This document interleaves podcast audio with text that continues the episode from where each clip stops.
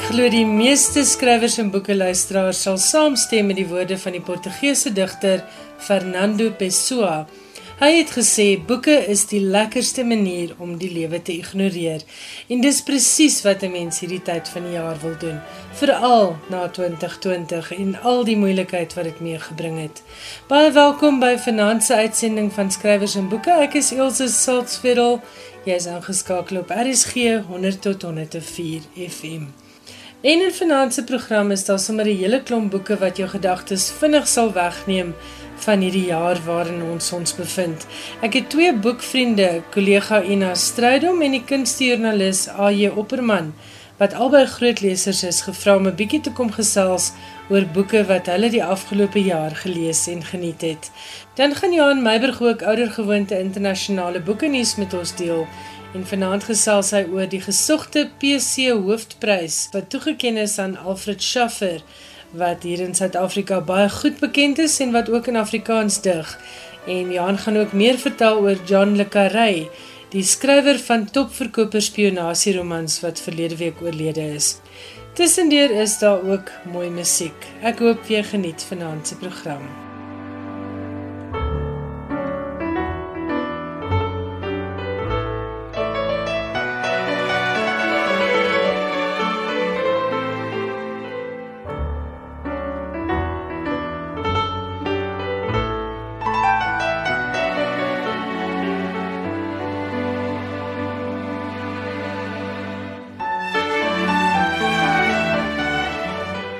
Ina Strydom is 'n bekende stem op RSG en ek is seker daarvan jy het ook al geluister na van haar dokumentêre en onderhoude met skrywers. Vanaand gesels sy oor haar leeshoogtepunte vir 2020.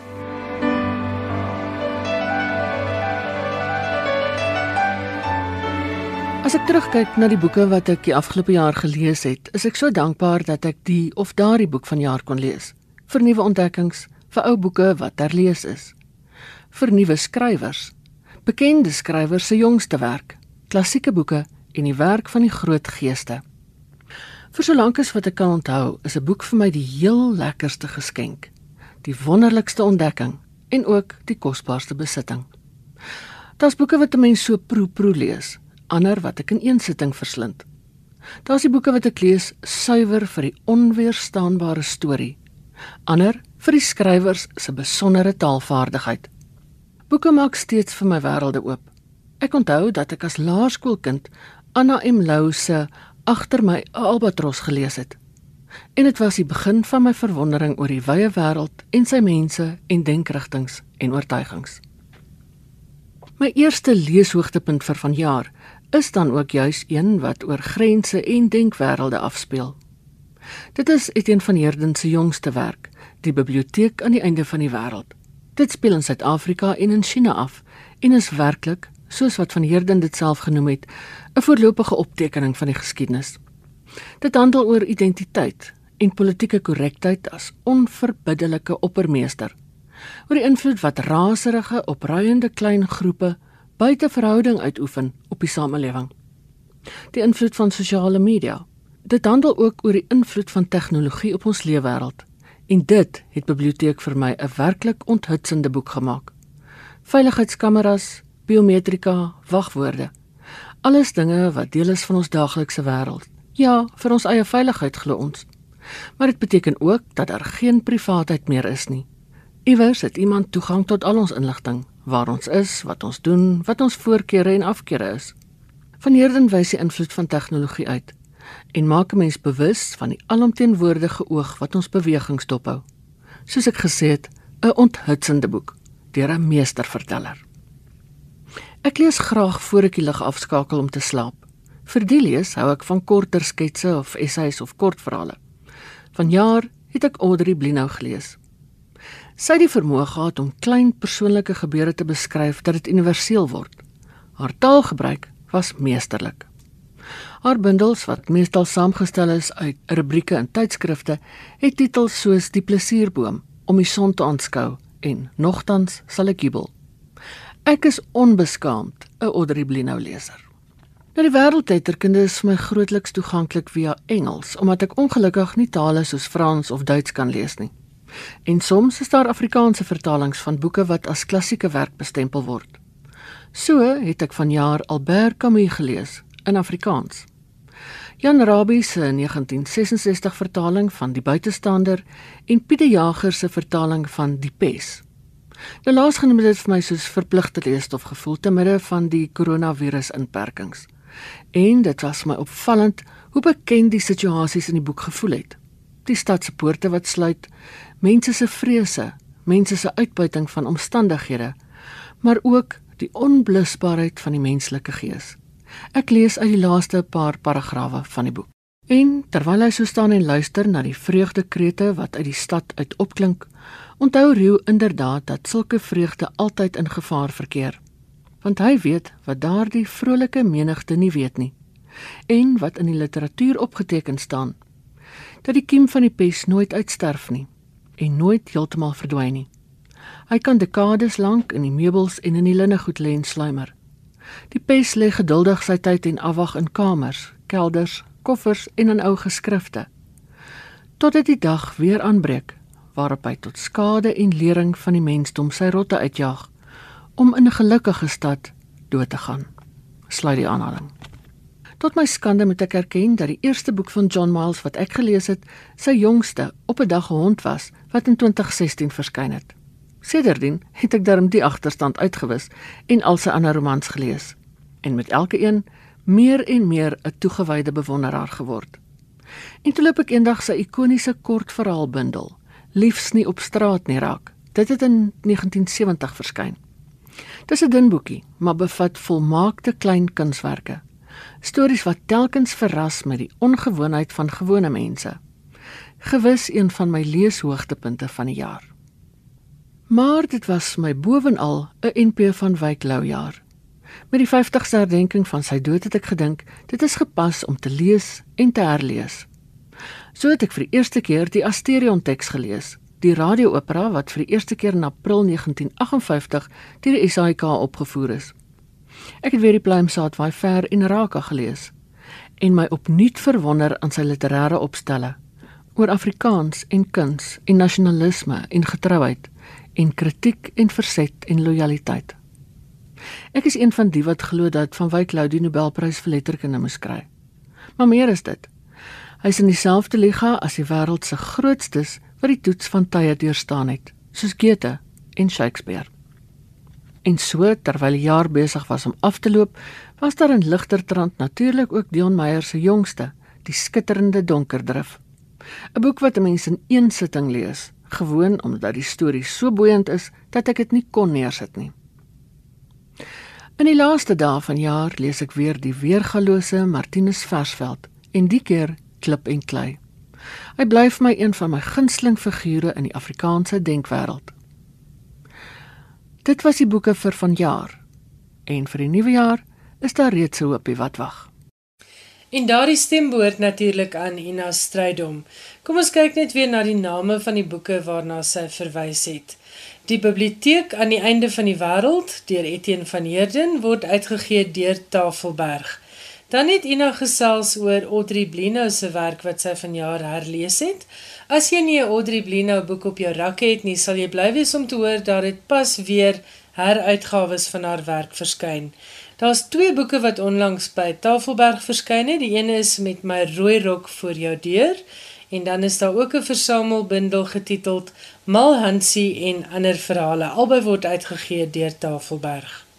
Ina het ook verwys na die Afrikaanse vertalings van die werk van Albert Camus wat sy gelees het. Pieter Jager het die Pes in Afrikaans vertaal en dit word uitgegee deur Protea. Ina het ook verwys na nog 'n Camus vertaling deur Jan Rabie. Die titel daarvan is Die buitestander en daardie boek het reeds in 1966 verskyn. As jy nuuskierig is oor John Miles, Ina het gepraat van Op 'n dag 'n hond sy roman wat in 2016 verskyn het en ook die ou kortverhaalbundel Liefs nie op straat nie. Ina het ook verwys na NP van Wyk Lou werke, onder andere Asterion, Die Pluimsaad waai ver en Raka. Dan was Dion Meyer se Donker Drif uitgegee deur Iman en Resou ook op haar 2020 leeslysie. Dan het Ina ook verwys na die filosoof Martinus Versveld se boek Klip en Klei. Dit het oorspronklik in 1968 verskyn, maar Protea het in 2008 'n herdruk daarvan uitgegee. Dis beslis 'n boek wat ek ook kan aanbeveel. Baie dankie Ina Strydom. Dis 'n heerlike lys boeke wat mens boonop baie stof tot nadenke bied. Volgende aan die beurt om te gesels oor sy 2020 leeslys is AJ Opperman kunstejoernalis en boekliefhebber. Kom ons hoor bietjie wat het hy vanjaar gelees. Ek het die afgelope jaar baie boeke herlees om verskillende redes en soms het dit baie lekraak gebeur. Maar daarmee saam het ek met die boeke wat vanjaar verskyn het wel die bevestiging gekry dat elke jaar 'n goeie boeke oes lewer. En vanjaar het 'n biografie of twee my beïndruk en daar was baie digbundels waarvan ek gehou het. Eintlik te veel om te noem. Maar ek wil waag om te sê my gunsteling digbundel van 2020 is uit die Kroes deur Lynthia Julius. Lynthia is 'n baie jong digter. Hierdie is haar debuut soos ek gesê het. Sy het van tevore die Afpop Poesieprys gewen. Maar ek was mateloos beïndruk deur hierdie bundel. Ek het dit so geniet om dit te lees en beslis gaan ek dit nog baie herlees. Daar is 'n aandoenlike vers oor Dalsie September wat my regtig aan die hart gegryp het. Elders het sy die bekende gedig Rooiborsduif van Breiten Breitenbach herskryf in 'n ietwat moderne konteks. Maar 'n mens kom werklik onder die indruk van haar grootword wêreld asook die milieu waarin sy vandag leef. Sy kom van die Noord-Kaap, sy kom van Kimberley, Dit is interessant om haar wêreld te ervaar. Haar verse laat 'n mens dink aan daardie stelling dat 'n leser dikwels sukkel om die spreker in 'n gedig van die digter te skei. En met Lynthia wonder mense ook baie keer, is dit sy of is dit bloot 'n spreker? Maar ek is geneig om te dink dit is sy. Jy weet gegee die biografiese kennis wat ons oor haar het. Sy's 'n wonderlike jong stem tot die Afrikaanse poësie. Die huldigingsbundel oor die digter MP van Wyk Lou was nog 'n gunsteling van jaar. Vier in sy vingers is deur Hemel en See uitgegee. Die titel kom uit 'n gedig van van Wyk Lou. Hy is van jaar 50 jaar gelede dood. Dit is merkwaardig om te sien op hoeveel prominente mense se lewe hy 'n impak gehad het. Ook diegene wat hom nie persoonlik geken het nie. Hy word vandag as die grootste digter in Afrikaans beskou en dit is wel so dat hy 'n reuse figuur in die Afrikaanse letterkunde is. Sy skoonseun Appie Miller wat verlede jaar dood is, het die projek begin en sy vrou Beverly Rose Miller het die projek by hom oorgeneem nadat hy dood is. Maar daar het jare se werk in hierdie bundel gegaan. Van die mense wat bydraes gelewer het, is ook intussen oorlede. Dit sluit in Karel Skooman en Adam Smol. PG Du Plessis is nog een. PG Du Plessis het jare gelede in 'n onderhoud gesê hy sou graag sy roman Fees van die Ongenooides vir van Wyk Louwe wys. Jy weet en dit sê ook nogal iets van die invloed wat van Wyk Lou dalk miskien onwetend op PG Du Plessis gehad het. Lou is ook die enigste skrywer wat die Hertzogprys vir prosa, poesie en drama kon wen. Gerrit Olivier, emeritus professor by Wits, het vroeër vanjaar in 'n onderhoud gesê: "MP van Wyk Lou het die hoogste standaarde aan homself gestel en hy stel dit vandag nog aan skrywers en intellektuele denkers. Van Wyk Lou het nooit 'n pos aan 'n Afrikaanse universiteit bekleë nie. Dit is eintlik moeilik om te dink. Dit is moeilik om jou dit voor te stel. Soos ons weet, was hy onder meer verbonde aan Wits. Hy het ook in Nederland doseer. Nou 'n ander ding van hom is natuurlik ook dat hy in verwoed koppe gestamp het. Hy het in die moeilikheid beland by verwoed oor die toneelstuk Die Pluimsaad waai ver wat begin met die vraag wat is 'n volk?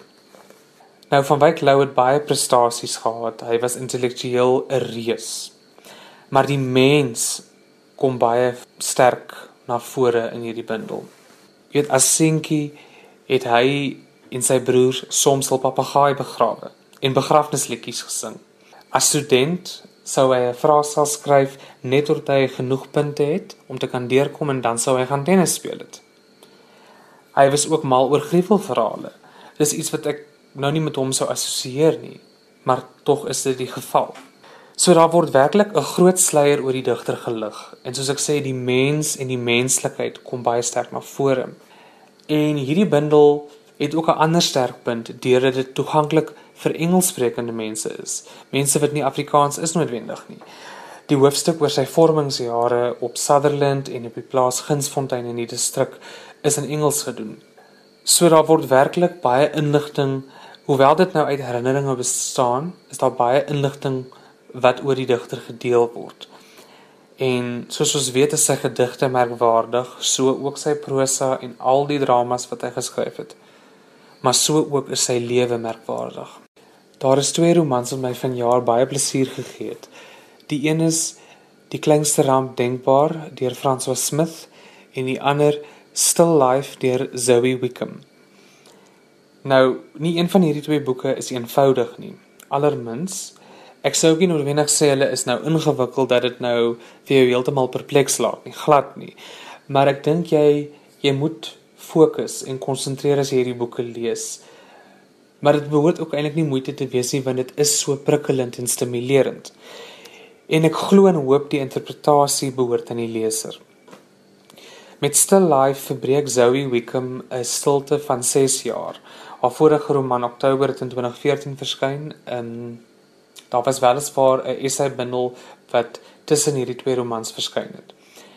Nou die vertrekpunt van hierdie wonderlike roman is 'n opdrag oor 'n biografie wat oor Thomas Pringle geskryf moet word. Maar die karakter is onwillig, sy wil dit nie doen nie. Dit is interessant Thomas Pringle, ek het van hom geweet, maar eintlik niks van sy lewensverhaal nie. Hy word vandag beskou as die vader van Engelse Suid-Afrikaanse poësie wat op sigself ook ironies is want hy is in Skotland gebore. Hy het hom later jare in die Oos-Kaap gevestig en hy het positiewe en negatiewe ervarings hier gehad. Sy invloed hier was ook positief en negatief. Daar is nog 'n ambivalensie omtrent sy bestaan in Suid-Afrika. Die jare wat hy hier deurgebring het. Maar ek kan verstaan dat daar baie tyd verloop het tussen hierdie roman en Zoe Wickham se vorige roman, want 'n goeie roman verg immers tyd en energie. En ek is baie beïndruk deur die feitelike inhoud van die roman. En let wel, dit is nie 'n nie fiksieboek nie, dis nie 'n biografie nie, maar daar is baie historiese waarde en jy gaan definitief baie van Thomas Pringle leer. Want wat baie slim gedoen word is Thomas Pringle word weergegee deur middel van beskouings oor mense wat hom geken het werklike mense is karakters in die boek en hulle skets 'n prentjie van Thomas Pringle en uit die aard van die saak het hulle verskillende menings oor hom en verskillende ervarings van hom. Nou twee van die karakters wat in die boek voorkom is Mary Prince, 'n slavin wie se lewensverhaal Pringle geskryf het en Hinza Merossi, die Tswana seun wat hy na Londen geneem het. Hy het ook 'n gedig oor Hinza geskryf. Die boek is prikkelend deurdat dit jou verder laat oplees. Jy wil meer van hierdie geskiedenis uitvind. En dis 'n sterk punt van fiksie. Dit baan die weg na verdere lees en inwin van kennis. Met François Smith se roman Die kleinste ramp denkbaar, het die titel my natuurlik dadelik nuuskierig gehad. Wat sou hierdie ramp wees? En hoe het die polisieman by die dokter uitgekom? Hoor 'n bietjie die openingssin. Hy het lank daaraan gedink as 'n storie oor 'n goeie dokter en 'n slegte polisieman, soms ook as die verhaal van hoekom hy opgehou het om na Mahler te luister. Nou jy weet, ek is iemand wat hou van 'n mooi sin. En nou word 'n dokter, 'n polisieman en die komponis Mahler betrek. Dit is so 'n life, nie 'n eenvoudige boek nie. Smith is natuurlik bekend as die skrywer van die boek Kampoer, waarvan die toneelverwerking verlede jaar die lig gesien het dit word in 2021 weer opgevoer. Met hierdie roman voer Smith 'n fyn balanseertoertjie uit met sy skryfstyl. Hy kry dit reg om nie die perk te oorskry van mooi skryf nie, want dit is gevaarlik. Dit kan baie maklik geforseerd en onnatuurlik voorkom. Maar hy beoefen werklik 'n wonderlike pragtige woordkeuse kort duik daar 'n nuwe karakter op wat die storie meer laag gee. Dit het my van die begin af gefassineer hierdie hoofkarakter Gustaf van Aert, 'n mediese dokter wat nou vir die tweede keer sy tuisdorp verlaat na baie jare. Daar was 'n tydperk waarin hy reeds weg was en toe teruggekeer het. En natuurlik wonder 'n mens dadelik hoe het ons nou die punt bereik waar Gustav nou is. Ek wil niks verder verklap nie, maar dit is werklik 'n boek wat my baie plesier gegee het. Ek is baie lief vir nuwe fiksie, maar dit hang baie beslis af van die onderwerp. En met biografieë hang dit ook baie beslis af wie se biografie. Nou die liedjieboer Anton Goosen se biografie wat deur Hanlie Retief geskryf is, is vroeër vanjaar uitgereik en dit is nou werklik prikkelende leesstof. Jy weet vir enige iemand wat werklik in die bedryf belangstel. As jy reeds oor 'n verwysingsraamwerk beskik, sal jy vir al die subteks waardeer. En soos Anton gesê het, die boek is deur die lawyers. Want sien, hy deel ook feite oor ander mense en sy openbare gevegte met sangers, soos Steve Hofmeyer en Koos Kombuis. Dis interessant dat die liedjieboer wat hierdie skatkis vol liedjies geskryf het, die skryf van sy lewensverhaal aan iemand anders oorgelaat het. Maar terselfdertyd is die stap eintlik baie funksioneel. Die boek is deur verskeie stemnotas op WhatsApp vooraf gegaan. Tydens 'n onderhoud vroeër vanjaar het Anton sy selfoon opgetel en gesê die hele boek is daarop. In dieselfde onderhoud het hy gesê in die biografie vertel hy amper alles. Nou wonder 'n mens natuurlik wat is weggelaat. Hy sê ook die boek is eers 'n biografie. Wat alles in die musiekbedryf gebeur is 'n aparte ensiklopedie. Hy vertel van sy huwelike, van sy dogters, vir wie hy skool gehou het, Sy ma en die skrywer Dot Serfontein was vriende op Kroonstad. Jy leer eintlik baie van die musiekbedryf. Jy leer die standpunte van Anton ken. Jy weet hy het sekere menings, geldige menings oor sekere onderwerpe en is reg so. Hierdie man het 'n ongelooflike musiekkennis en musikale vermoë en hy het ikoniese treffers geskryf ook vir ander kunstenaars. 'n Mens kan verwag dat hierdie boek oor besondere inligting beskik. Jy weet dit is dit dit is die verwagting waarmee ek die boek oopgeslaan het en ek is nie teleurgestel nie. En daardie stemboord aan AJ Opperman. Hy het gesels oor die volgende boeke: Lynthia Julius se digbundel Uit die Kroes wat uitgegee word deur Kwela. Vier in sy vingers, 'n biografie oor NP van Wyk Lou, is geskryf deur Ampie Miller en Beverly Rose Miller. Dit word uitgegee deur Hemel en See. Zoe Wickham se Still Life word uitgegee deur Penguin Random House. Die kleinste ramp denkbaar uit die pen van François Smit word uitgegee deur Tafelberg. Die biografie oor Anton Goosen is getiteld Likieboer en dit is geskryf deur Hanlie Retief en word uitgegee deur Tafelberg. As jy pas ingeskakel het, jy luister na skrywers en boeke. Ek is Elsje Salzwetel En nou sit Johan Meiburg se beurt om met ons te gesels oor gebeure in die internasionale boekewêreld.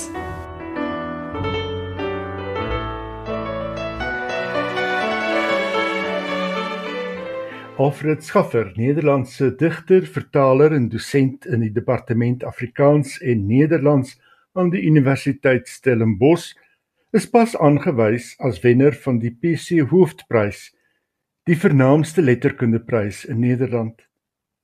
Die prys vir sy werk as digter word in Mei aan Schaffer oorhandig. Schaffer het sy voorgraadse studie in Nederlandse en toneelwetenskap in Leiden behaal en sy doktorsgraad aan die Universiteit van Kaapstad. Hy was redakteur by die uitgewers Cossé en De Besige By waar sy eie poesie ook gepubliseer is. Sy debuutbundel, Sy opkoms in die voorstad, het in 2000 verskyn.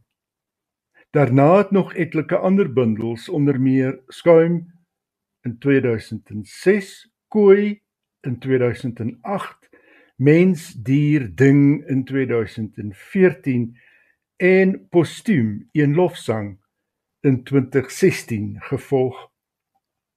Verskeie pryse is aan sy werk toegekend, onder meer die Charlotte Köhler prys, die Ida Gerard Poesieprys en die Jan Kamper prys.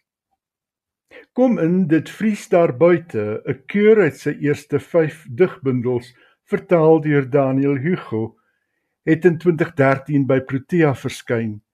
En in 2018 het Human Rousseau Sandra Besuitnout se vertaling van Mens, dier, ding uitgegee.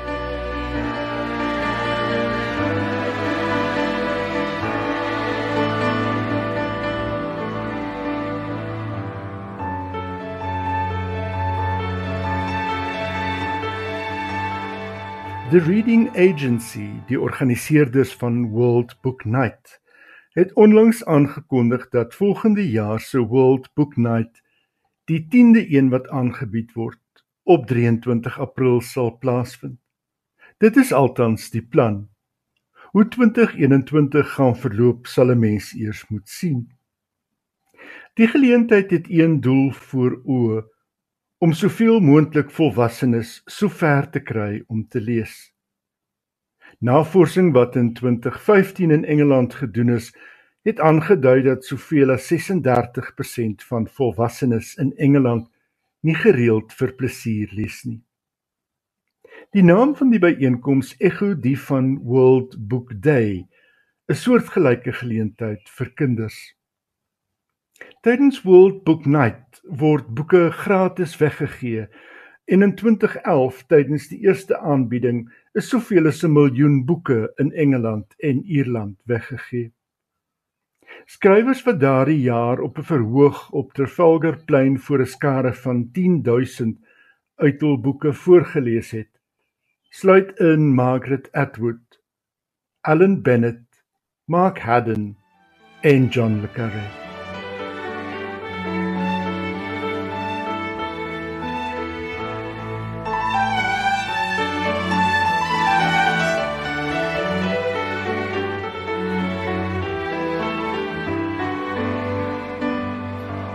He was a gentleman and a spy, though he would have stoutly denied that the two could coexist. Dit is hoe die New Yorker sy huldeblyk aan John le Carré begin. Die Britse meesterspionasieskrywer is verlede week oorlede.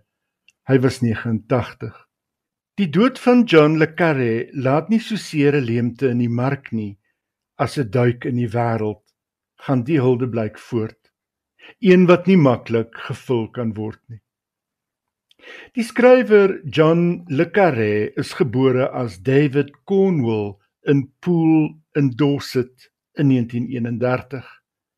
Hy het studeer in Bern, Switserland en daarna in Oxford, waarna hy 2 jaar lank onderwyser was in Duits en Frans aan Eton College. In 1958 het hy sy loopbaan in die Britse intelligensiediens begin, eers by MI5 en later by MI6. Hy is onder dekmantel as tweede sekretaris uitgeplaas na die Britse ambassade in Bonn, hoofstad van die destydse Wes-Duitsland. En van daar is hy verplaas na Hamburg as politieke konsul. In 1961 het hy sy eerste boek Call for the Dead gepubliseer en omdat amptenare in die buitelandse diens nie onder hul eie naam kon skryf nie, moes hy 'n skrywersnaam kry. En dit is waar John le Carré die lig gesien het. The Spy Who Came In From the Cold, sy derde boek en die een waarmee le Carré deurbraak gemaak het, is in Hamburg geskryf. Die volgende jaar in 1964 het sy loopbaan in die intelligensiediens tot 'n einde gekom met Kim Philby, die Britse dubbelagent se onthullings oor die geheime diens en die bekendmaking van die identiteit van Britse agente. Maar dit was te gelyk die begin van 'n loopbaan as heeltydse skrywer. Philby se gedrag as dubbelagent en verraaier het Lekkere heelwat gebied om mee te werk in sy uitbeelding van Gerald die spioen wat George Smiley uitsniffel in Tinker Tailor Soldier Spy, die roman van 1974.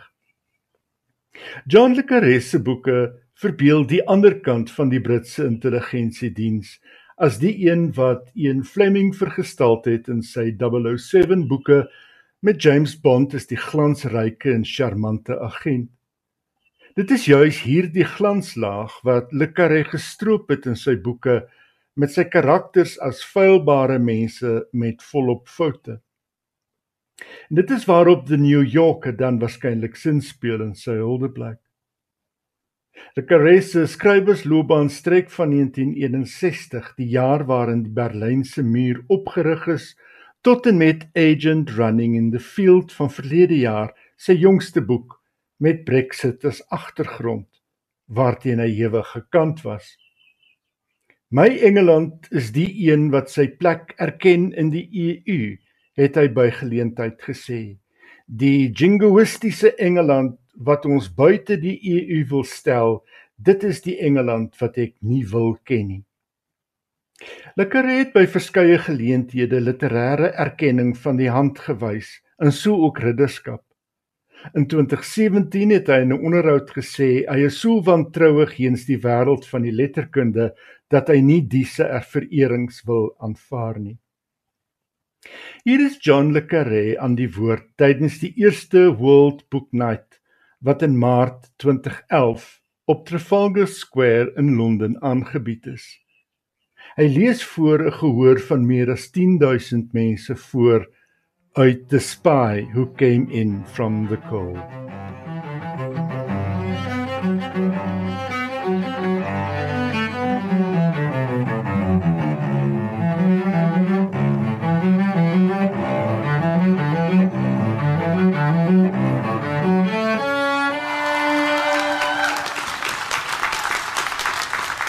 For the next five minutes, we are in West Berlin.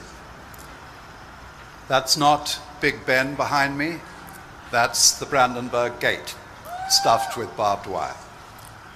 And that's not Whitehall, that's the Friedrichstrasse and the checkpoint from West Berlin to East Berlin. The young American handed Lemus another cup of coffee. Why don't you go back and sleep, sir? We can call you if he shows up. Lemus said nothing. He's nine hours over schedule, sir. How long will you wait? Until he comes, said Lemus. Lemus walked to the observation window and stood behind the two West Berlin policemen. A bell rang inside the hut. A disembodied voice made its ritual announcement. Black Opal record, federal registration, woman driver, no passengers. High above the checkpoint, arc lights sprang to life, casting theatrical beams on the road. Two Vopos, East German policemen, stood at the driver's door, one doing the talking, the other standing off. A third was sauntering round the car.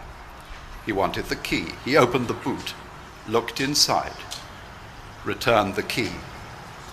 Finally, unwillingly, they let the car continue across the white line into the western sector. Lemus stepped outside into the icy October wind. The crowd was something you forgot inside the hut. The people changed, but the expressions were the same. He walked over to the car and said to the woman, Where's Carl? They came for him and he ran. He took the bicycle. Hang on. Don't go. Where's Carl? they came for him and he ran. He took the bicycle. The others have all been caught. Lemus went back to the hut, out of the cold. The policeman stared at him. What are your rules for shooting to protect a man coming over the wall? A man on the run? We can only give covering fire if the Vopos shoot into our sector, said the man. Darkness had fallen. In front of him ran the road, and to either side the wall, a dirty, ugly thing of breeze blocks and strands of barbed wire, lit with cheap yellow light like the backdrop for a concentration camp. Herr Limas, quick, a man, Herr Limas. It was Karl, shrouded in an old Wehrmacht Macintosh, pushing his bicycle. He's made it, thought Lemus. He must have made it. He's through the document check, only currency and customs to go. Karl leaned his bicycle against the railing, walked casually to the customs hut. Don't overdo it, thought Lees. The red and white pole swung slowly upwards. He's through. Only the Vopo in the middle of the road, the white line and safety. Then Carl seemed to hear some sound from behind him. He glanced over his shoulder and began to pedal furiously, bending over the handlebars. There was only the one lonely Vopo left between east and west. The searchlights went on, white and brilliant, catching Carl and holding him in their beam. The two West Berlin policemen dropped to their knees uselessly flicking the rapid load of their automatic rifles. The lonely Vopo fired, quite carefully, away from them into his own sector. The first shot thrust Karl forward, the second pulled him back. Somehow he was still moving, still on the bicycle, and the lonely Vopo was still shooting at him. Then he sagged and rolled to the ground, and they heard quite clearly the clatter of the bike as it fell. And Lemus hoped to God he was dead. Thank you very much. John Le Carre, ladies and gentlemen.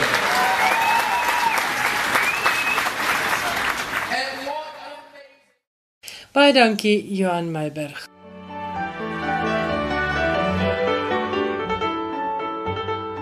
Dit was dan die voorlaaste skrywers en boeke program vir 2020. Ek weet hierdie was 'n moeilike jaar vir almal en daarom is my wens hierdie Kerstyd dat jy en jou geliefdes ekstra seën sal ervaar en ekstra lekker sal rus. En natuurlik ook dat jy genoeg boeke het om te sorg vir 'n wonderlike wegkomkans van al die spanning van die afgelope jaar en ook van hierdie tyd waarin ons ons nou weer bevind. Tot ons weer saamkuier volgende Woensdag aand om 8:00. Pas jouself mooi op, lekker lees en lekker rus. Totsiens.